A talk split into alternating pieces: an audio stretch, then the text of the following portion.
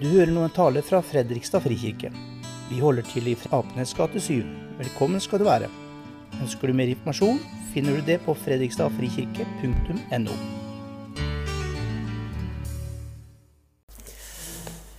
Ja, det er fint å kunne stå her og preke igjen. Det er eh, en god stund siden sist. Og det er fint å se folk i salen. Vi har hatt eh, De to siste søndagene har vi faktisk vært sammen her. Men da har det vært til dåp. Den første søndagen var det bare ti stykker som kunne være sammen. Forrige søndag var vi omkring 25. Men i dag så er det jo nesten en eh, stor trengsel å se utover kirken her. Og det er fint. Vi er på den eh, tredje søndagen i fastetiden. Og den teksten vi har i dag, den kan på mange måter ja, utfordre oss på flere plan. For når vi leser i Bibelen, så kommer vi jo inn i en mer enn 2000 år gammel tradisjon. Eh, en forestillingsverden som ofte er annerledes enn vår. Og det ville være ganske underlig om ikke en del av det som fortelles, kanskje virker fjernt fra vår virkelighet.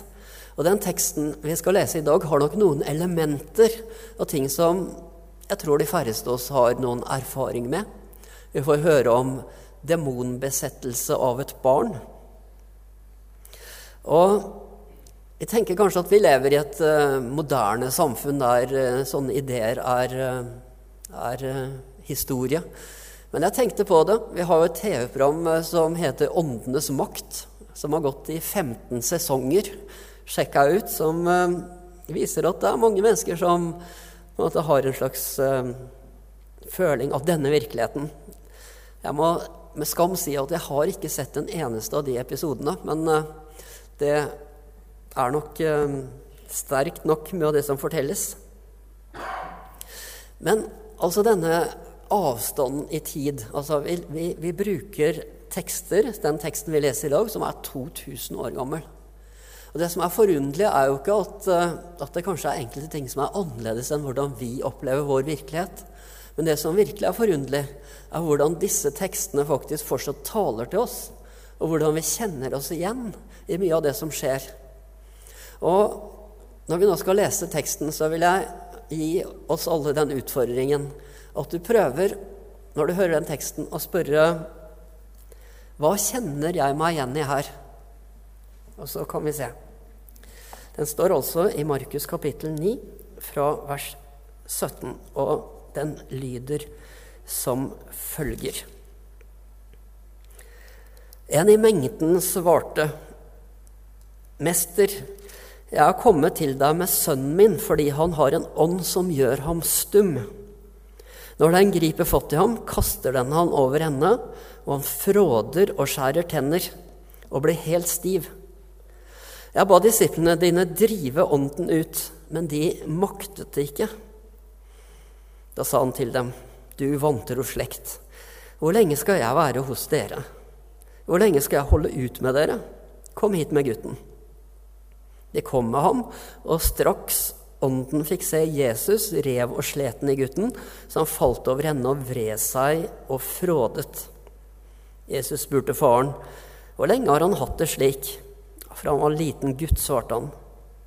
Mange ganger har Ånden kastet ham både i ild og i vann for å ta livet av ham. Men om det er mulig for deg å gjøre noe, så ha medfølelse med oss og hjelp oss. Om det er mulig for meg, sa Jesus. Alt er mulig for den som tror. Straks ropte guttens far, 'Jeg tror. Hjelp min vantro.' Da Jesus så folk stimle sammen, truet han den urene ånden og sa, 'Du stumme og døve ånd, jeg befaler deg, far ut av ham, og far aldri inn i ham igjen.' Da skrek den høyt, slet voldsomt til gutten og for ut. Gutten lå livløs, og alle sa han var død. Men Jesus tok ham i hånden og hjalp ham opp, og han reiste seg. Da Jesus var kommet i hus og disiplene var alene med ham, spurte de hvorfor var det ikke mulig for oss å drive den ut. Han svarte, dette slaget er det bare mulig å drive ut ved bønn og faste.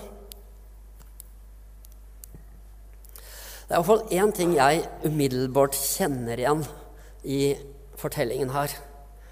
Og det er fortvilelsen en far vil føle når han har et sykt barn.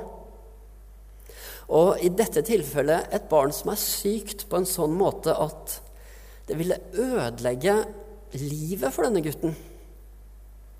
For det er ikke bare sykdommen i seg selv som høres ut som epilepsi, men det sosiale stigmaet som fulgte med. Opplevelsen av at demoner herja med gutten din. Skammen over det. Og fortvilelsen over ikke kunne hjelpe. Det må være altså, det mest kjære du har i livet.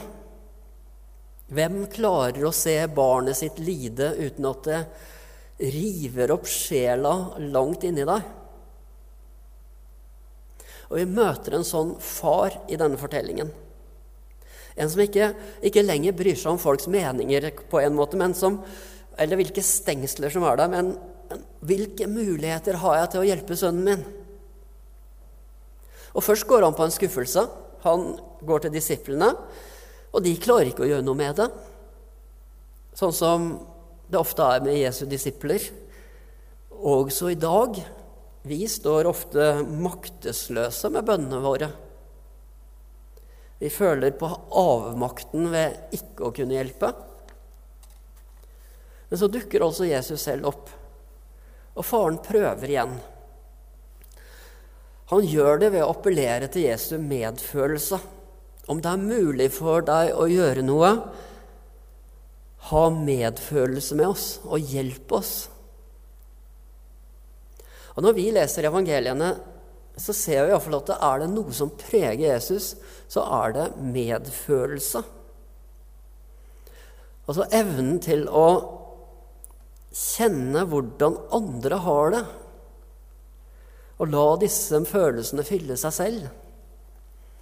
Det er slitsomt å ha mye medfølelse, fordi det hele tiden både river oss innvendig og driver oss til handling.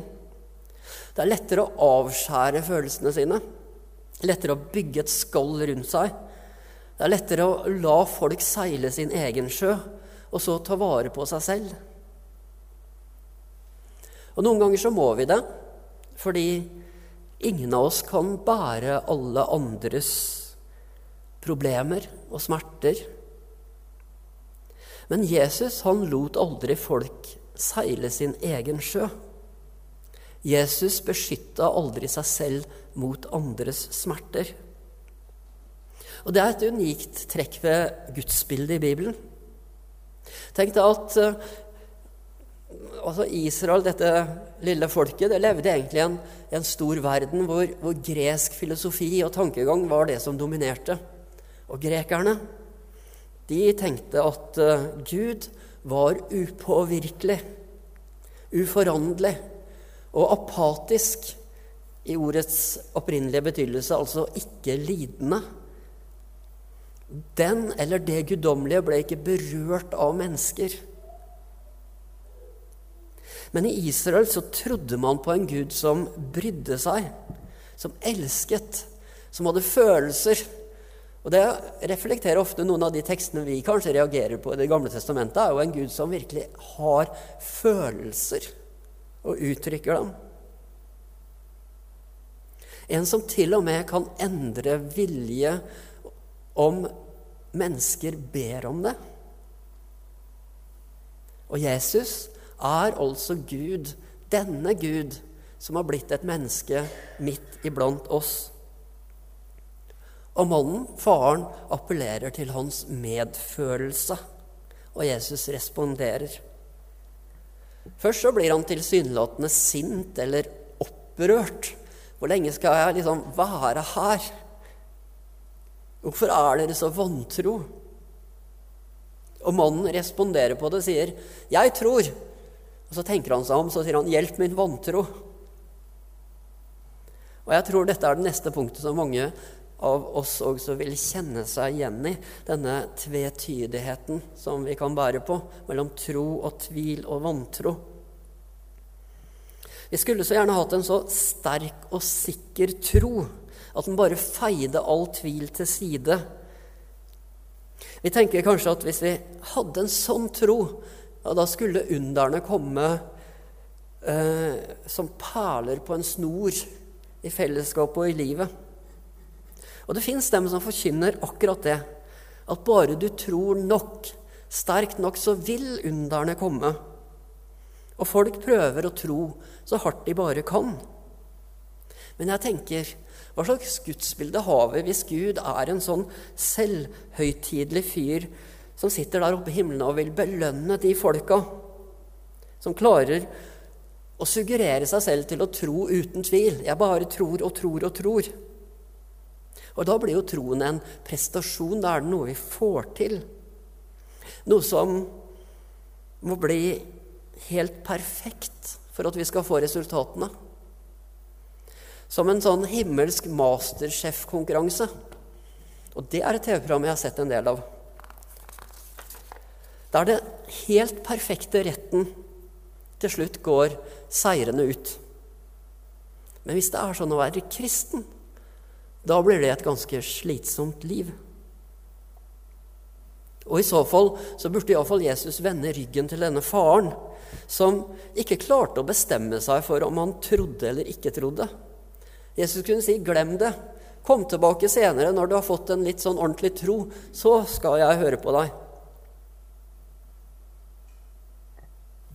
Jeg forteller veldig sjelden om bønnesvar som jeg selv har opplevd.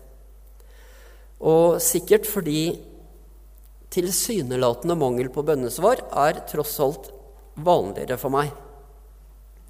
Men det har hendt noen ganger at jeg har opplevd forunderlige ting uten at jeg skal påstå at det er udiskutable under eller slike ting. Men jeg har lyst til å fortelle dere en liten historie som skal illustrere noe av dette med tro og tvil og vantro, selv om jeg selv er eksempelet.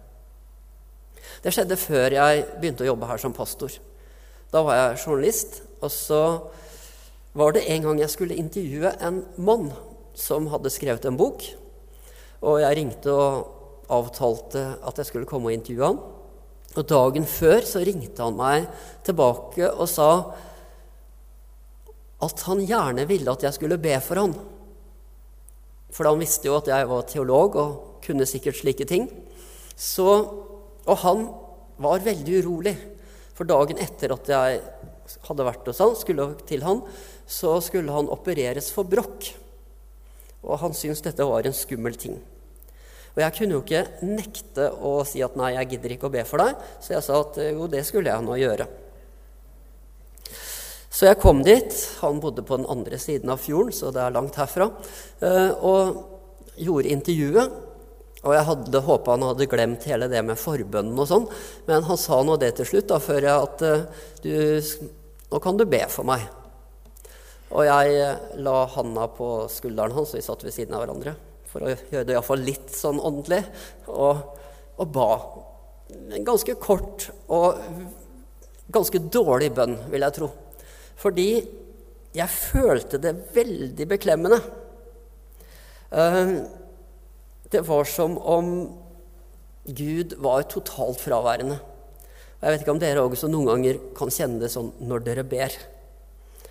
Som om ordene var fullstendig tomme, og at de sprakk som såpebobler med en gang de hadde forlatt munnen min. Så etter at det hadde skjedd, og jeg følte at situasjonen var ganske pinlig, så sa jeg raskt adjø og reiste min vei og tenkte at uh, dette var det. Og jeg hørte ikke noe mer fra mannen. Før jeg tilfeldigvis dumpa borti han et par år senere. Og han var uhøflig nok til å si 'Husker du at du ba for meg når du var hos meg?' Og jeg håpa at det ikke ville komme opp, for det var en så pinlig affære. Men det han sa, var Det som skjedde, var at dagen etter kom jeg på sykehuset fordi jeg skulle ha denne operasjonen. Men da fant de ikke noe brokk, så jeg ble sendt hjem igjen. Og jeg vet ikke om det kan være helt naturlig eller en eller annen god forklaring på det. Men det var litt forunderlig å oppleve. Og hvis dette var et lite under som Gud faktisk gjorde, så hadde det iallfall ingenting med min tro å gjøre. For det er sjelden jeg har opplevd en så total mangel på innlevelse og tro i situasjoner hvor jeg har prøvd å be for folk.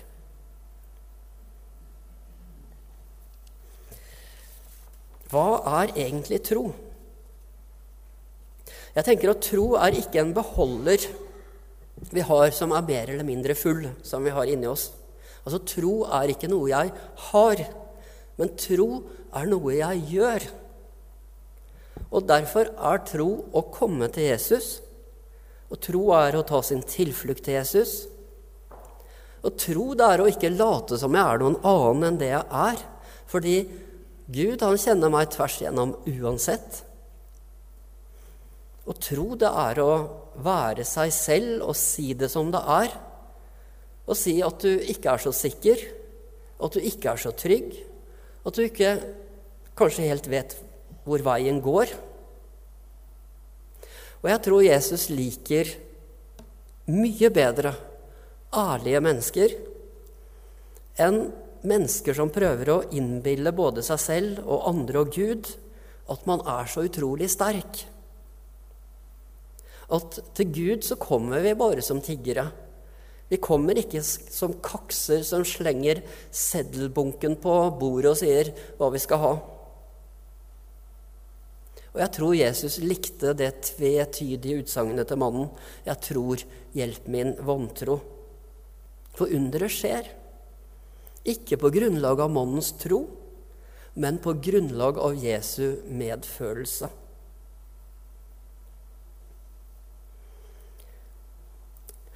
Og til slutt har jeg bare lyst til å henlede oppmerksomheten på noe som står helt til slutt i den teksten vi leste. For disiplene spør hvorfor de ikke kunne gjøre noe med det, og Jesus svarer at uh, dette slaget er det bare mulig å drive ut ved bønn og faste. Og Det kan jo hende at denne teksten er satt opp akkurat fordi den har dette ordet 'faste' i seg, for vi er midt i fastetiden. Men jeg prøvde å undersøke dette litt, og jeg så nøye etter. og Hvis dere, hvis dere leser dette i Bibelen, så står det en prikk ved dette faste og, faste, og så leser dere under der, og så står det at, eh, at dette ordet, for å se hva som står her, mangler i noen håndskrifter. Og så gikk jeg videre til den samme historien fortelles hos Lukas. Og der, hele dette verset om bønn og faste, det står i klammer, og så står det at uh, det mangler i de beste håndskriftene og de eldste håndskriftene. Så jeg leser den samme historien hos Matteus, og der står det ikke noe om det i det hele tatt. Og jeg, jeg gikk inn og så på hvilke håndskrifter som hadde de forskjellige variantene her. fordi at Det nye testamentet vårt det bygger jo på gamle håndskrifter av evangeliene og av brevene og sånn. De eldste er fra det andre århundret. Det er veldig veldig gamle, og så kommer de fra det tredje, fjerde, femte århundre. Disse gamle, gamle manuskriptene som vi har oversatt. Og når man oversetter, så prøver man å finne hva er det opprinnelige eldste her. Og det som slår meg akkurat i det som står her om, om faste, som altså ser ut som på en måte er noe som har lagt til liksom, Man var ikke helt fornøyd med svaret og ordet til Jesus. At dette kan bare, dette kan bare skje ved bønn. Og så legger man til 'å faste'.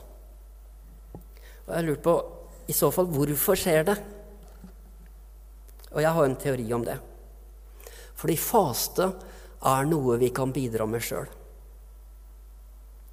Hvis jeg bare er ivrig nok, hvis jeg bare viser Gud at jeg trenger faktisk ikke å spise noe i mange, mange dager nå, at jeg klarer å gjennomføre det, da vil han sikkert svare meg. Da klarer jeg å gjøre noe som er så sterkt og så overgivende til Gud at det bare må skje. Men egentlig med bønn er det annerledes. For Jesus lærer oss selv når disiplene spør, at vi blir ikke bønnhørt ved å bruke mange ord. Vi blir ikke bønnhørt ved å bruke fine ord. Og aller minst blir vi bønnhørt hvis vi ber for å vise andre hvor fromme vi er, eller hvor flinke vi er til å be. Jesus sier at bønn er noe veldig enkelt, fordi vi kommer til vår himmelske Far som vet hva vi trenger, før vi ber Han om det. Så bønn er ikke noe vi presterer overfor Gud. Og bønn er rett og slett å komme til Gud og fortelle hvordan det er. Og det handler egentlig ikke om meg når det gjelder hva svaret blir, men det handler om Gud.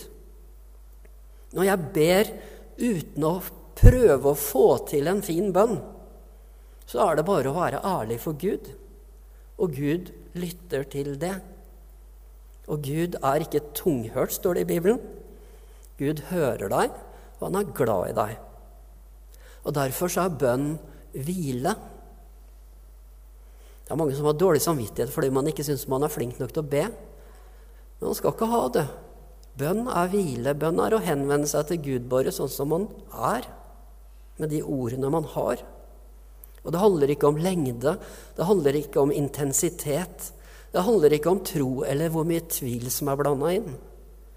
Det handler rett og slett om å fortelle Gud hvordan det er. Å overlate til Gud å svare når han vil, og hva han vil. Og vite at uansett så får jeg være hos Gud med livet mitt. Fordi han faktisk har medfølelse med meg og de tinga jeg sliter med og opplever. Jeg har faktisk en Gud som føler med akkurat sånn som jeg har det. Og Det er derfor det er så trygt å være hos Gud uansett.